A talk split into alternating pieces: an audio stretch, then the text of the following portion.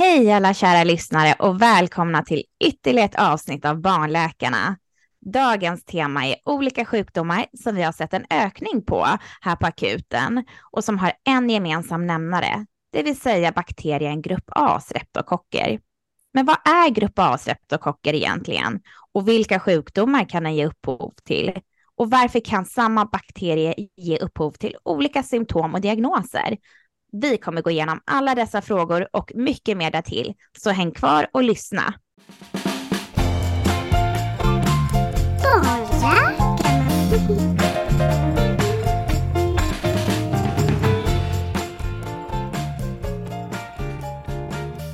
Idag har vi dessutom bjudit in vår kollega Samuel Redin. Samuel är både ST-läkare inom barnmedicin och forskare inom barninfektion. Därför känns det väldigt angeläget att just du gästar vår podd idag med tanke på ämnet. Så det är vi väldigt glada över att du är här med oss idag, Samuel. Jätteroligt att vara här.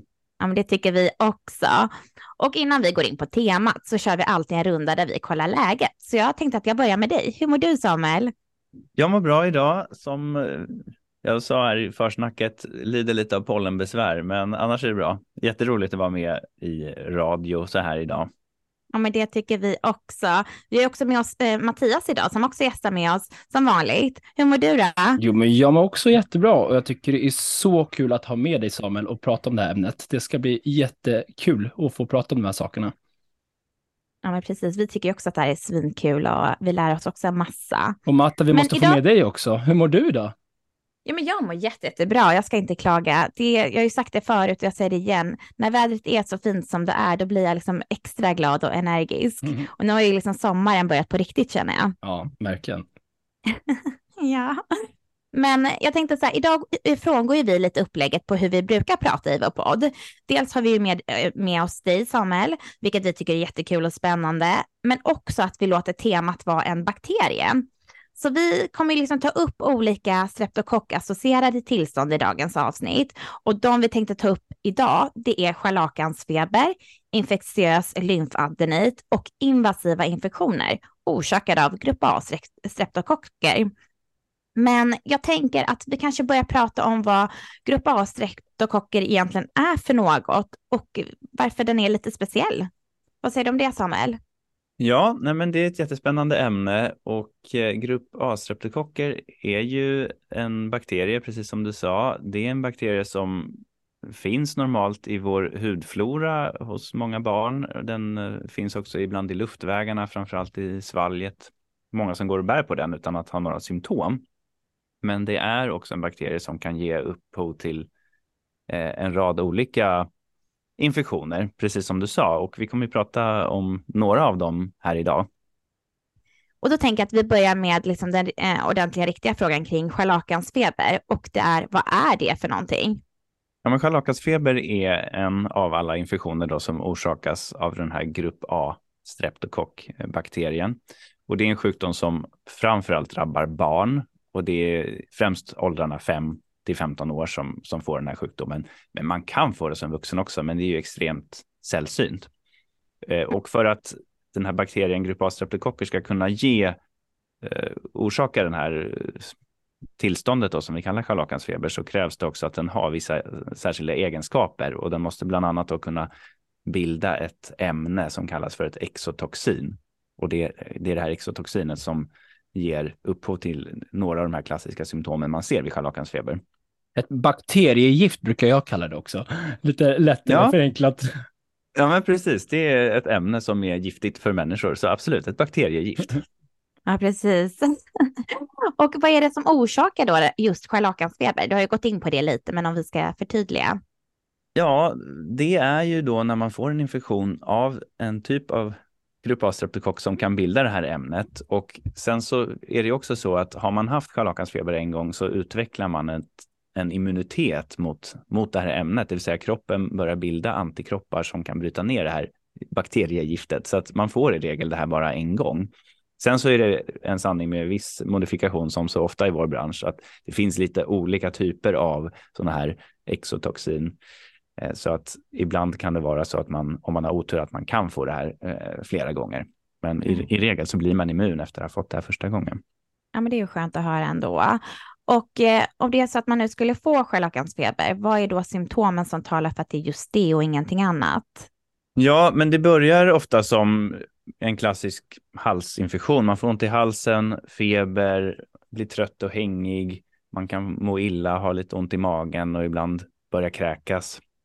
Eh, och sen så eh, en del i det hela är då att man får ett väldigt klassiskt utslag.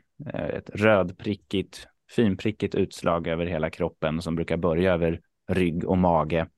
Och eh, det är lite knottrigt. Man brukar säga att det känns som sandpapper när man tar på huden. Eh, sen så ett annat klassiskt symptom är att tungan blir ilsket röd och får vita prickar på sig och man, det kallar vi då för smultrontunga. Ja, men just det. Och sen så är det inte också att huden fjällar. Ja, precis. Lite senare i förloppet så ser man ofta att huden, framförallt över händer och fötter, kan börja fjälla. Man tappar huden och det är också en effekt av det här bakteriegiftet eller exotoxinet. Och en sak som jag också tycker brukar vara intressant är att man, man brukar se runt munnen, att, man, att det, huden besparas runt munnen. Man pratar om det här perioral sparing, att, som man säger på engelska, att man, man är vit runt munnen men kinderna är röda och som du säger så, men resten av kroppen är i stora del huden påverkad. Men just runt munnen så är, är man oftast vit. Ja, nej, men det, det har du helt rätt i. Och det är också, om du tar upp det här med rödheten, det ligger också i namnet. Scharlakan är ju ett eh, begrepp som vi har använt då, liksom scharlakansröd för en klar röd färg och scharlakansfeber, liksom en röd feber. Barnet blir rött, man får en ilsket röd tunga och ett rött utslag. Eh, så att det är det som är det karaktäristiska med scharlakansfeber. Mm. Och det är många ledtrådar som ändå säger att det är just det. Men är det så vi också sätter diagnosen, att titta på symptomen? Eller hur sätter vi diagnosen egentligen? Ja, men för erfarna barnläkare så är det ofta ganska tydligt när man ser de här barnen och ibland så sätter vi den här diagnosen bara på kliniken, bara på hur barnet ser ut. Men ofta så brukar vi stärka misstanken genom att man tar ett test för att titta efter streptokocker, eh, mm. och då kan man ta ett snabbtest i, i halsen då till exempel där det vanligaste fokuset är det som det vanligaste att infektionen börjar där. Sen kan man få scharlakansfeber från andra streptokockinfektioner, till exempel om man har en sårinfektion med streptokocker, att det börjar så. Men det är vanligare att det börjar med en halsflussinfektion. Ja, men just det. Låt säga då att det kommer in ett barn med det, den typiska kliniken av scharlakansfeber och vi sätter diagnosen. Hur gör vi då med behandlingen? Ja, men är det scharlakansfeber så behandlar vi med penicillin, vanligt smalspektrum antibiotika och de här barnen brukar ju svara jättebra på behandlingen. Man kan bli ganska ordentligt sjuk, men vi har en behandling som i princip alltid funkar och det finns nästan ingen resistensutveckling heller av sådana här bakterier, utan den, den är alltid känslig mot det här penicillinet i princip. Så att eh, hittar vi scharlakansfeber så går det att behandla och barnen blir ganska snabbt piggare efter det. Mm, jag håller med dig. Det är så tacksamt att det finns behandling som fungerar mot scharlakansfeber, just för att de kan bli väldigt sjuka som du säger. Men om det är så att man får det här och eh, låt säga att man inte behandlar eller söker sent för det här, kan, finns det några komplikationer man kan få av scharlakansfeber? Det finns komplikationer, men det är extremt sällsynt att man får det idag. Förr i tiden innan antibiotika var uppfunnet så eh, orsakade sjukdomen ganska mycket, en, en stor sjukdomsbörda i populationen av barn. Och man kan få då komplikationer i form av påverkan på eh, hjärtat, njurar eh, och framförallt då. Men, men det ser vi i princip inte idag, utan det behandlar man och eh, barnen svarar bra på det, då, då går det bra. Och sen så är det eh, säkert ändå så att många av de här infektionerna är självläkande och många barn inte ens kommer in till sjukhuset. Eh, och, och ändå så ser vi inte de här komplikationerna. Så vi vet inte exakt varför komplikationsfrekvensen har gått ner så mycket, men det är extremt sällsynt att man får som men efter en sån här infektion, utan det, det går bra för barnen som har scharlakansfeber idag. Ja, men jättebra att höra. För när man ändå söker på internet så är det ju de här komplikationerna som kommer upp och det är många föräldrar som blir oroliga för att de har missat det scharlakansfeber och så. Eh, så det är bra att du nämner att det är ovanligt och att det faktiskt ska självläka eh, utan att det blir komplikationer också eventuellt. Men Ja.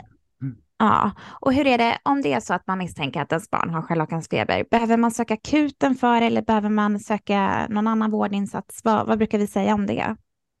Ja, det beror ju lite på hur det ser ut eh, där man bor, eh, tänker jag, med vårdutbud eh, liksom, utbud och när på veckan man kommer på det här. Men de allra flesta vårdcentraler kan ju hantera scharlakansfeber.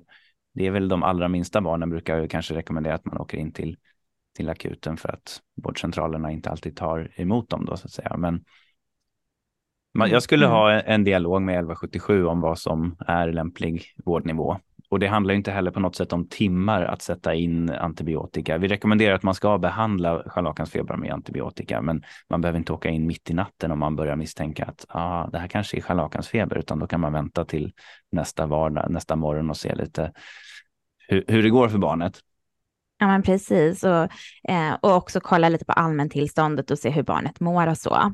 Ja, men självklart. Det här handlar ju bara om om man har symptom som påminner om scharlakansfeber, Mm. säga. Men vi, som du säger, självklart är barnet allmänpåverkat, att man upplever att barnet är svårt sjuk, ja, men då ska man ju alltid söka vård förstås. Och precis som du nämnde tidigare Samuel, just det här med att man kan få hudavlossning, framförallt från handflator och, och, och fötter, så, så kan man även få påverkan på naglarna. Eh, har jag fått det beskrivet att man faktiskt kan få nagelavlossning, att eh, liksom, Eh, man får påverka på nagelbanden också. Har du sett det? Nej, det har jag faktiskt inte sett, men jag har inte heller sett jättemånga barn med scharlakansfeber och framförallt inte liksom sent i förloppet. Nu har det varit ganska många senaste halvåret, men det är inte så att jag, det kanske är ett tiotal barn totalt som jag har sett med scharlakansfeber, så jag ska inte säga att jag har någon supererfarenhet av att jobba med de här barnen. Och jag håller helt och hållet med att det här är en grupp som eh, inte varit så vanligt, eh, även på, på barnakuten och på barnmottagningar. Men just senaste halvåret har vi ändå sett en, en tydlig ökning. Och vet du någon teori varför, varför det är så? Eller varför man tror att det är så? Ja, men det, man har ju diskuterat eh, lite olika teorier bakom det här. Dels så tänker man säga att i och med att vi var så väldigt duktiga på och tvätta händerna och hålla oss hemma när vi var sjuka under covid-19 pandemin under början där så såg vi att en rad olika infektionssjukdomar gick ner i förekomst. Och därför så, och bland annat då streptokockinfektioner, men därför är det ju väldigt få barn som har haft den här streptokockinfektionerna inför årets säsong. Så det finns en liksom mindre flockimmunitet i barnpopulationen. Mm. Så att det är nog en, ja, eller det är absolut en faktor som forskare lyfter fram är en bidragande orsak. Men det verkar också vara någonting med, med de här stammarna, bakteriestammarna som cirkulerar just nu, att de verkar ha blivit lite mer ilskna och eh, det verkar vara fler av de här bakterierna som har förmågan att bilda då det här exotoxinet till exempel. Så att det är nog flera faktorer som spelar in. Ja, och, och precis som du säger, det är ju inte bara för, för streptokockinfektioner, utan vi har ju sett samma med eh, RS-pandemin, eller RS som, som gick både den här säsongen och förra säsongen var ju eh, eh, väldigt kraftiga. Eh, och vi brukar inte se att de kommer två säsonger efter varandra, så det är ju många andra virus och, och bakterier som också visar samma tendens eh, efter pandemin. Ja, precis. Nej, men RS-virussäsongerna har ju varit väldigt intensiva och i år var det ju också en väldigt intensiv influensasäsong. Och det var samma sak där. Det var ju i princip noll influensa och RS under 2020 när coronaviruset cirkulerade. Och eh, som sagt, anledningen till det var säkert både då att vi var duktiga på att isolera oss och tvätta händerna, men det finns också teorier som visar att coronaviruset eh, självt då, så att säga har påverkat spridningen av de här andra virusen. Så att det finns någon form, det man kallar liksom virusinterferens. Mm. Så att det är nog flera faktorer som ledde till den situation som vi hamnade i. Men, men idag så ser vi en tydlig uppgång av många infektionssjukdomar och det är väl lite att vi får igen det vi missade förra och för förra året. Ja,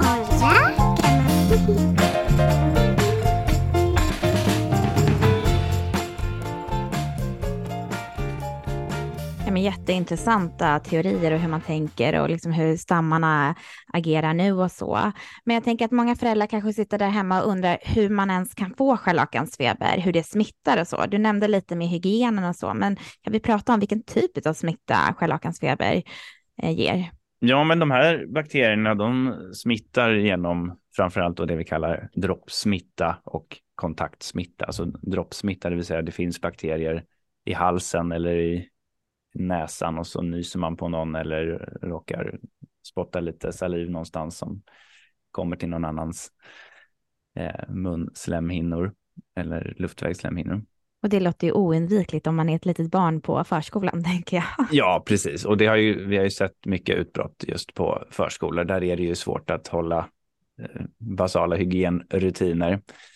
Eh, och, och, där kan det också smi, eh, smitta då via kontaktsmitta, att man råkar nysa på en eh, leksak som sedan något annat barn tar och så där. Så det är ju svårt att hålla smittan nere. Jag fick höra ett tips från en kollega just att man ska byta tandborste när man är i slutet av sin antibiotikakur, när man behandlats för halsfluss eller scharlakansfeber. Jag hade aldrig läst den informationen tidigare, men är det någonting du har hört Samuel? Nej, det har jag aldrig hört. Men menar man då att man skulle råka smitta sig själv igen? Eller att streptokockerna smittar... är på tandborsten då och att man tar bort dem under antibiotikakuren. Om man börjar borsta igen så skulle man få tillbaka dem och kunna få symptom igen. Nej, men jag har aldrig hört det. Men det är ju ändå så att de flesta sjukdomar går ju att behandla bort och sen så är man fri från det så att säga. Men just streptokockerna, där ser vi ju ibland att det studsar lite mellan familjemedlemmar. Så att jag kan ändå liksom förstå resonemanget. Ibland så går det ju verkligen så att ena familjemedlemmen blir sjuk, sen så behandlas den och blir frisk, men då blir mamman eller pappan sjuk och sen så studsar det fram och tillbaka. Så att det är ju en av anledningarna till att vi rekommenderar lite längre behandlingstid just för de här streptokockinfektionerna. Mm. Till exempel öroninflammation och lunginflammation, där räcker det ofta med fem dagar, men för streptokockinfektioner brukar vi säga tio dagars behandling och det är ju en av orsakerna där just att man det kan studsa lite fram och tillbaka. Och jag brukar också säga det när jag sätter in antibiotika mot streptokockinfektioner att, eh, hos barn, då, att om någon förälder börjar få symptom, att de ska söka upp vårdcentralen och kolla om de också har streptokocker, för då kan det vara bra att de behandlas samtidigt så att man minskar just den här mm. risken att det studsar lite fram och tillbaka. Mm. Och jag tänkte just innan vi går vidare på nästa tema med infektiös adenit, är det något annat du tycker är viktigt eh, att man som förälder känner till om just eh, feber scharlakansfeber innan vi går vidare? Nej, men jag tycker eh, kanske att man ändå ska lyfta det här att det finns ju många andra infektioner som kan ge ett utslag i samband med feber. Scharlakansfeber, visst vi har sett en uppgång, men det är fortfarande ovanligt och det är betydligt vanligare att man får ett utslag i samband med feber av andra infektioner. Det finns flera virusinfektioner till exempel som kan orsaka det här. Så att jag tycker inte, budskapet är ju inte att åka till akuten så fort man får en prick på magen och har feber, utan se vart det tar vägen, men har du tydliga symptom på scharlakansfeber, ja men då ska du nog ändå söka vård och ha kontakt med 1177 för lämplig vårdnivå. Mm. Jättebra att du betonar det och jag tänker såklart vi lägger upp på vår Instagram en bild på de här symptomen som man kan då få i samband med scharlakanfeber. Ja men det låter jätteklokt så eh, har vi det liksom även där. Men då tycker jag vi går över till en infektiös adenit, alltså när man får en infektion i lymfkörtlarna, eller kroppens polisstationer som jag brukar kalla lymfkörtlarna, som man har rikligt av runt halsen, men även på andra delar av kroppen. Och Samuel, vill du berätta lite, vad är infektiös adenit? Ja, ja men infektiös adenit är också en ganska klassisk barnsjukdom skulle jag säga. Och eh, vi har ju de här lymfkörtlarna, polisstationer eller vad man nu vill kalla dem, men där det ansamlas massa immunförsvarsceller i samband med framförallt luftvägsinfektioner. Och då så är ju en del av immunförsvarets strategi att ta dit delar av de här bakterierna som, som man bekämpar och så ska man visa upp dem för de andra eh, immunförsvarscellerna i de här lymfkörtlarna så att de kan förstå vad det är de ska jaga och eh, börja bilda antikroppar mot de här eh, strukturerna som visas upp. Men ibland, framförallt hos barn, så kan bakterierna överleva den här transporten och så börjar de växa till inne i de här lymfkörtlarna istället så att det blir som en bakteriehärd. Mm. Och då, då får man det som vi kallar infektiös lymfadenit, det vill säga en infektion i lymf eh, Eh, lymfkörtlarna. Ja, och just vi, vi, vi har ju pratat om streptokocker och det är väl den vanligaste eh, orsaken eh, för, för just infektiös adenit. Men finns det andra bakterier också som, som kan ge detta, eller det här besväret? Ja, det finns några olika, framförallt luftvägsbakterier som kan ge det här. Det finns någon bakterie som heter Haemophilus influenza till exempel. Men sen kan man också säga att när det väl har blivit en inkapslad infektion i den här lymfkörtlan, då, då kan det leta sig dit massa olika bakterier. Bland annat finns det sådana här bakterier som kallas anaeroba bakterier som kräver en liksom, syrefattig miljö. Så att när det blir den här inkapslade syrefattiga miljön, då kan det samlas lite allt möjligt där. Mm.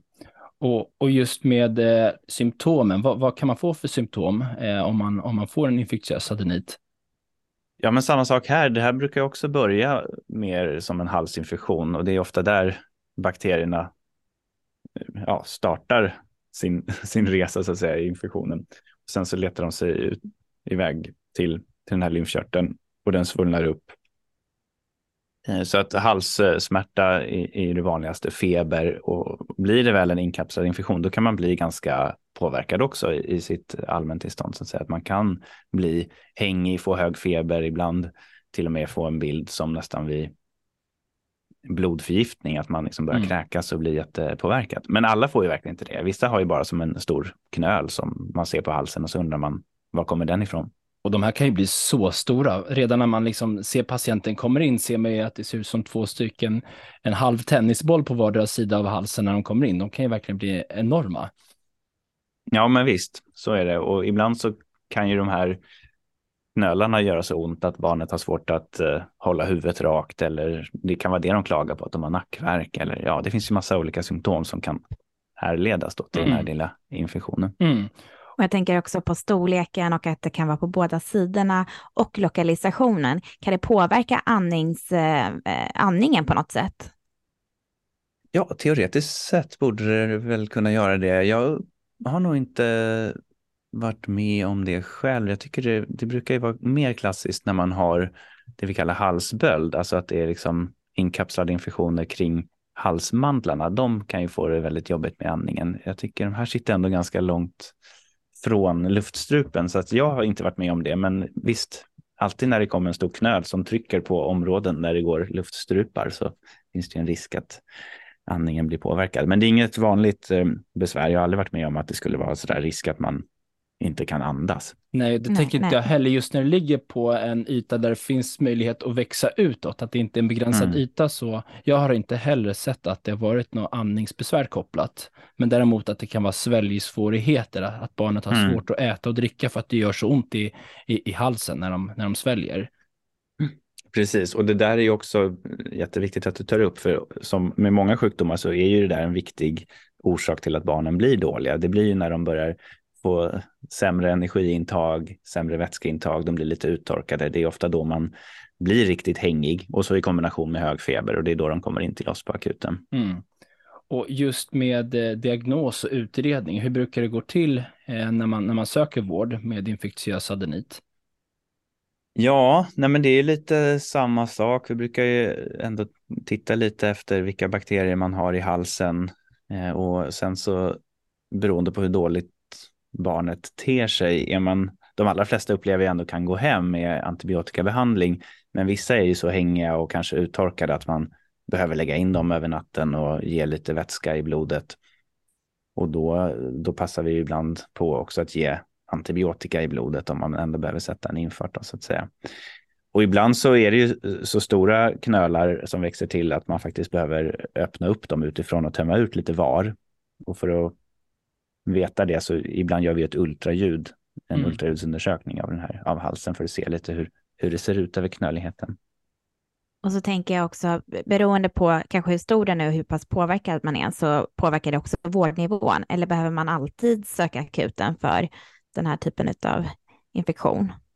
Nej, de här hanteras på vårdcentral också skulle jag säga, men det är väl beroende på hur sjuk man är. För som sagt, vissa barn behöver ju få antibiotika i blodet, men då, det är ju om man mår riktigt dåligt, så att säga. Om man har ett ganska okej allmäntillstånd så kan man absolut börja på, på vårdcentral. Nu nämnde du så bra behandling att vi behandlar ju infektiös adenit med antibiotika och hos de allra flesta så kan man behandla med antibiotika via munnen, men är man kraftigt påverkad så, så ger vi intravenös antibiotika eh, på sjukhuset, att man vårdas på en avdelning. Eh, och i vissa fall kan man behöva vätska upp och även smärtlindra de patienter som har svårt att försörja sig eller har liksom kraftig smärta. Um, och är det någonting annat som är viktigt att känna till här som förälder om, om just eh, infektiös adenit, tycker du? Nej, jag tycker vi har täckt eh, de flesta aspekterna här, men det är klart, om man är riktigt påverkad och lite som du sa Matta, om man har körtlar på båda sidor, det finns ju andra tillstånd som också kan lite te sig på det här viset, som inte är drivna av infektioner. Det finns ju något som heter Kawasakis sjukdom då till exempel, eh, när det är mer att immunförsvaret hos kroppen har eh, gått överstyr. Och eh, det är ju också någonting vi alltid har i bakhuvudet och tänker sådär, ja men om man inte svarar riktigt på antibiotikabehandling, då får man fundera på, är det kanske inte en bakterie utan det är själva immunförsvaret självt som, som ger upphov till de här symptomen och då, då är det lite annan behandling. Men det är ingenting kanske som man som förälder behöver veta om eller tänka på, men det är något som vi har i bakhuvudet när vi träffar de här barnen på, på barnakuten. Mm.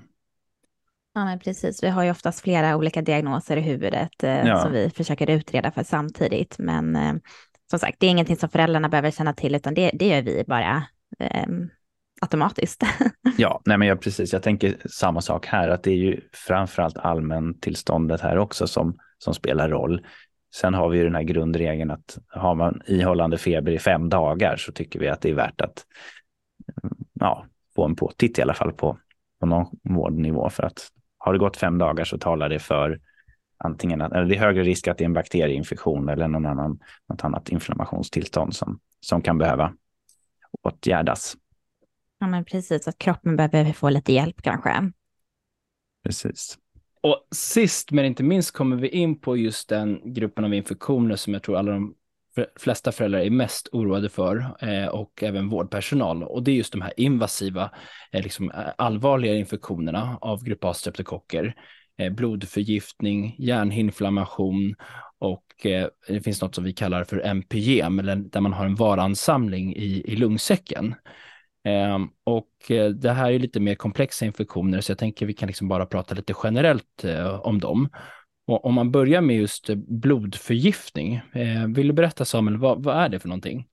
Ja, blodförgiftning är ju en gammeldags term som vi fortfarande använder en hel del, men det, ofta brukar det ju referera till när man får in bakterier i blodbanan. Och den här själva blodförgiftningen uppstår egentligen av att kroppens immunförsvar reagerar så starkt på att det finns bakterier i blodbanan. Där ska det normalt inte finnas bakterier så att man drar igång ett jätteimmunsvar och då blir man väldigt sjuk av, av det, den reaktionen så att man, eh, man börjar kräkas, man blir hängig, man tappar sitt blodtryck och blir väldigt allmänpåverkad och, och eh, kan behöva då akut eh, vård och understödjande behandling för att ta sig igenom det där det är ju väldigt svårt sjuka barn och det, det, det ser man. Har man ett barn med en sepsis eller blodförgiftning så, så, så ser man ett väldigt svårt sjukt barn.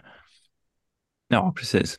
Och, och, som du nämnde, man kan ju få symptom för många olika organ i kroppen. Så det, det är en blodförgiftning är ju inte den andra exakt likadan, utan det kan ju påverka väldigt många olika organ och ge olika symptom. Och just när det kommer till de här barnen så är det eh, ganska självklart för oss att man behöver ha kvar barnet på sjukhuset, att de ska få intravenös antibiotika och kan behöva annan form av behandling. Eller hur Samuel? Ja, precis. Det här är ju barn som är svårt sjuka. De behöver ofta mycket vätska, bland annat i blodet. Och eh, vi behöver ha noga koll på dem och se att allt fortsätter vara stabilt. Och vi brukar ju prata om här, riskgrupper för att få en, en eh, sepsis eller blodförgiftning. Och vad, vad har vi för några riskgrupper, Samuel?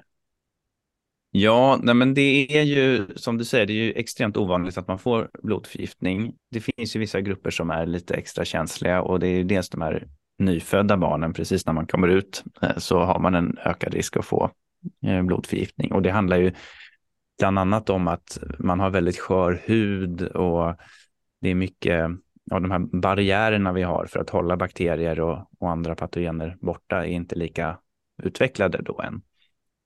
Eh, och det, det krävs ju då att de här bakterierna kommer in i blodbanan för att man ska få en, en sån här blodförgiftning. Och ha, om man har ett barn som har fått en blodförgiftning och man inte är liksom det här nyfödda barnet, är det någon utredning man bör göra för att se om liksom, de har ett kompetent immunförsvar? Eller hur, vet du hur det brukar gå till? Ja, det är ju en eh, bra fråga och det är ju mer och mer så att man tänker att de allra flesta svåra infektionerna, man ska tänka till, är det så att det här barnet har en underliggande känslighet i sitt immunförsvar eller att det finns någon brist. För att som sagt, det är väldigt ovanligt att man får blodförgiftning och om man väl får det så då ska man tänka till, är det så att det var någonting med immunförsvaret? För, att de, för de allra flesta så är ju streptokockinfektioner ofarliga, men hos några barn så, så letar de sig in djupt i kroppen och ger de här svåra infektionerna. Och vi vet inte exakt varför, men hos ändå en hel del av de här barnen så hittar man någon liten defekt i immunförsvaret. Mm. Men hos en väldigt stor del så är det ju bara ren otur att man, man har fått den. Men det är väl jätteklokt ja. att man utreder och ser i så fall. Ja. Och, och något... nu när vi har mer, nej men vi har ju idag mer och mer avancerade metoder för att utreda också. Så förut kanske man bara kunde titta väldigt grovt, men nu kan vi göra, liksom, titta på hela genomet och se, är det några gener eller mutationer som vi kan hitta som tidigare är kopplade till särskilda immunbrister. Ja, så vi har en större arsenal att faktiskt hitta idag och hitta väldigt ovanliga varianter på immunförsvarsdefekter. Mm. Ja, det är fantastiskt hur tekniken går fram och vad vi kan utröna idag jämfört med bara för ett tag sedan. Mm. Och om vi då går vidare till nästa sån här invasiva infektion, hjärnhinneinflammation. Vill du berätta lite snabbt vad, vad det är för någonting? Ja, nej men det är ju också då en invasiv infektion, det vill säga att bakterien har letat sig in på djupet i kroppen till en lokal där den inte hör hemma som sagt och där den då kan göra ganska stor skada. Och hjärnhinnorna, det är ju den här hinnan som sitter runt hjärnan och sen så fortsätter den ner längs eh, ryggmärgen eh, bakom ryggraden då. Och får man in bakterier där så kan kan man bli också rejält sjuk. Eh, det, är ju framförallt för att kroppen har lite svårt att... Man, man har inte så mycket immunförsvarsceller i, i de eh, lokalerna, så att kroppen har svårt att komma åt den här bakterien. Och symptom som eh, barn och ungdomar kan få då, om de skulle ha en hjärnhinneinflammation, vad, vad är det? Ja, det är ju igen lite som det här vi pratade om i blodförgiftning. Man blir väldigt svårt sjuk, man blir slö och små barn blir slappa, de eh, blir väldigt påverkade. Eh, de här allra minsta barnen kan ju få det vi kallar en buktande fontanell, att man ser det blir som ett ökat tryck här inne i ryggmärgsvätskan, eh, vätskans lokaler.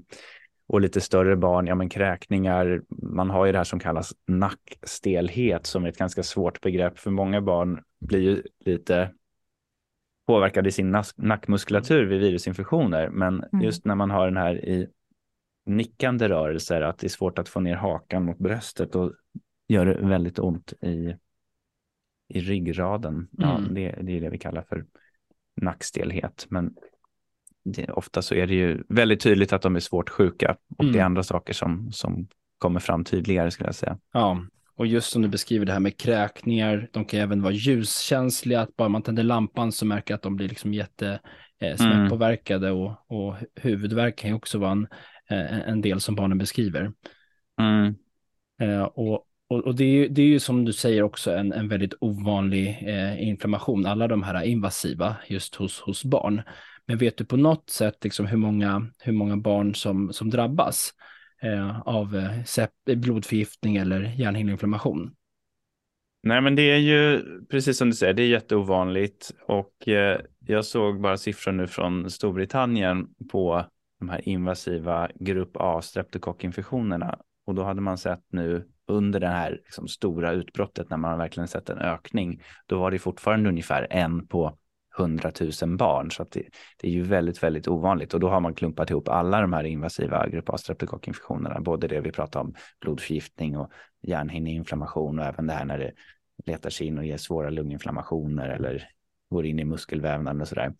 Så att det är ju extremt sällsynt och vi vet inte riktigt vem eller varför vissa barn får det här. Det finns absolut vissa riskgrupper som vi sa, liksom nyfödda och om man har en känd immunbrist. Men de allra flesta, eh, ja, vi vet ju inte vem som ska få det så att säga. Och en, en sån fråga kan vara just det här med smittspridning, tycker jag, att föräldrar kan fråga, men hur fick mitt barn det här? På. vad, vad, brukar du svara om, om, om frågan kommer upp om, om smittspridning för just invasiva streptokockinfektioner? Ja, nej, men det är svårt. Det är ju absolut så att det ligger någonting i vissa bakterier, att de blir mer ilskna. De har egenskaper att eh, kanske leta sig in lite djupare på Eh, djupare i kroppen. Men det är ju väldigt mycket också det vi kallar världens faktorer, att det är någonting i, i den här individen som blev svårt sjuk som gjorde det. Om det var så att man hade Ja, men vad gäller blodförgiftning kan det ju vara liksom att man har haft en skada på sin hudbarriär så att den har liksom, bakterierna kunnat leta sig in i blodet.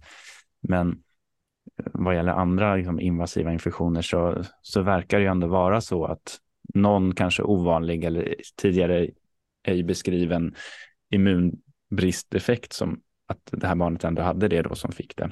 Och, och ofta gör vi ju liksom utredning för att titta efter för den här typen av, eh, av defekter. Men det är ju precis som du säger, ofta är det ju de barnen som får en invasiv svår streptokockinfektion ofta är det ju någon i familjen eller omgivningen som också varit sjuk, men inte kanske så här svårt sjuk. Man kanske haft halsfluss eller bara ja, scharlakansfeber eller något annat lite mer liksom lindrigt. Men däremot så brukar det ju sällan vara så att den, det barnet som blir svårt sjukt, att det börjar som en liksom halsfluss och sen så dag fem så blir man plötsligt knallsjuk. Men samtidigt, det är så få fall här så att det är svårt mm. att säga liksom några definitiva sanningar. Men ofta så är det ju ändå så att får man en invasiv infektion, ja då brukar det gå väldigt fort och eh, man vet inte varför mm. det blev så.